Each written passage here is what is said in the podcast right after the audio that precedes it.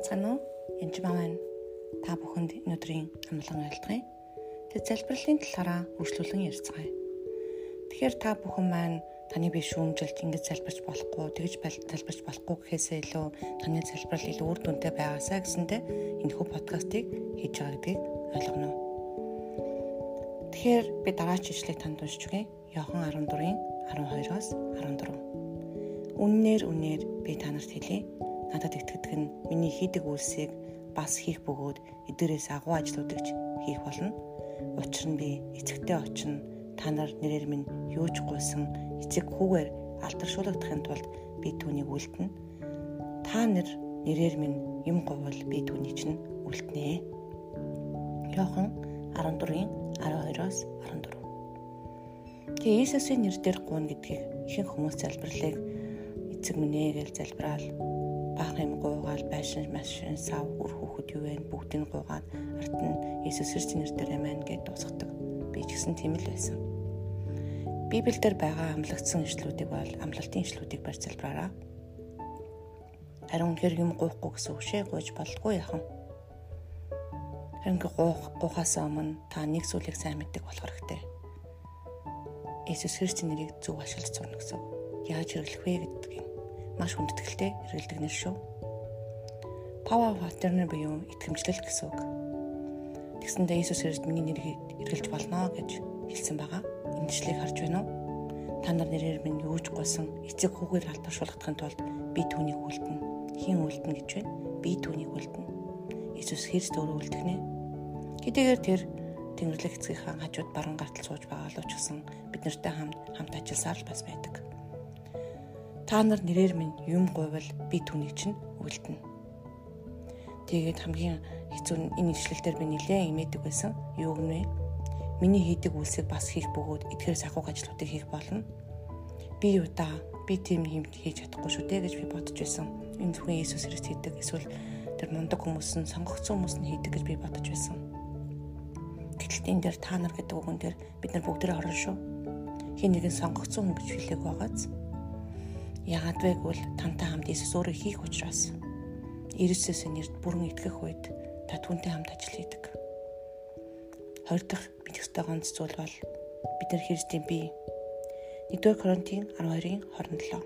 Идвэ та нар Христийн бие бөгөөд тус тусдаа эргэтнүүд юм аа. Газар дэлхий дээр явж байгаа Христийн бие бол бид нар биелээ. Зөвхөн түүнтэй хамт яваа зогсохгүй түүний нэг хэсэг бөгөөд идэсэн нүлээ эд эсүүд нь эргэтнүүд нэлээ хамтдаа нийлээд эргэтнүүд нийлээд нэг бие болдогтой адилхан Христийн бие гэдэг нь бүх итгэр тэтгэгч нар орно. Та дахин төрсөн бөгөөд ариун сүсээр дүүрэн итгэж байх юм бол Христийн бие бөгөөд яг Христийн хэд хийх боломжтой гэсэн үг. Мэдээж энд хугацаа орно. Яагаад вэ гэвэл бид нар заримдаа итгэж өмөрчдгөө.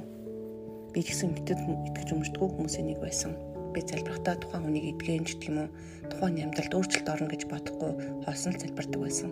Залбирлын дараа ямар ч юм өөрчлөгдөн гэж хүлээдэг байсан.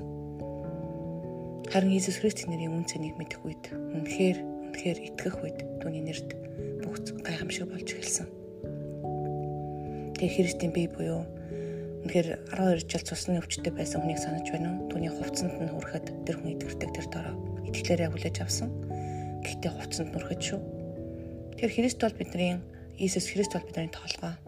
Хувцс бол биен дээр байдаг. Тэгэхээр бид Христийн бие. Бид тэр хувцсыг өмсөж зогсож байгаа. Бидний хувцсанд төрсэн хүн итгэн гэсэн. Хажуучин байсан хүн таны нүүр царайг харсан хүн хүртэл итгэх боломжтой гэсэн. Энэ бол гайхамшиг шүү дээ. Үүнийг итгэл өмчлөө сайжруулахын тулд та бүхэн яг Христийн бие гэсэн ишлүүдийг дүүж уншаарай. Тэгээд Христийн нэртэй холбоотой ишлүүдэд ч гэсэн маш түрүүнд дүүж уншаарай Тэгээ би нэг тасгалыг хийсэн шүү. Есүс ээ. Есүс ээ. Гэтэл өдөржингөө би Есүс гэдэг нэрийг хэлсэн.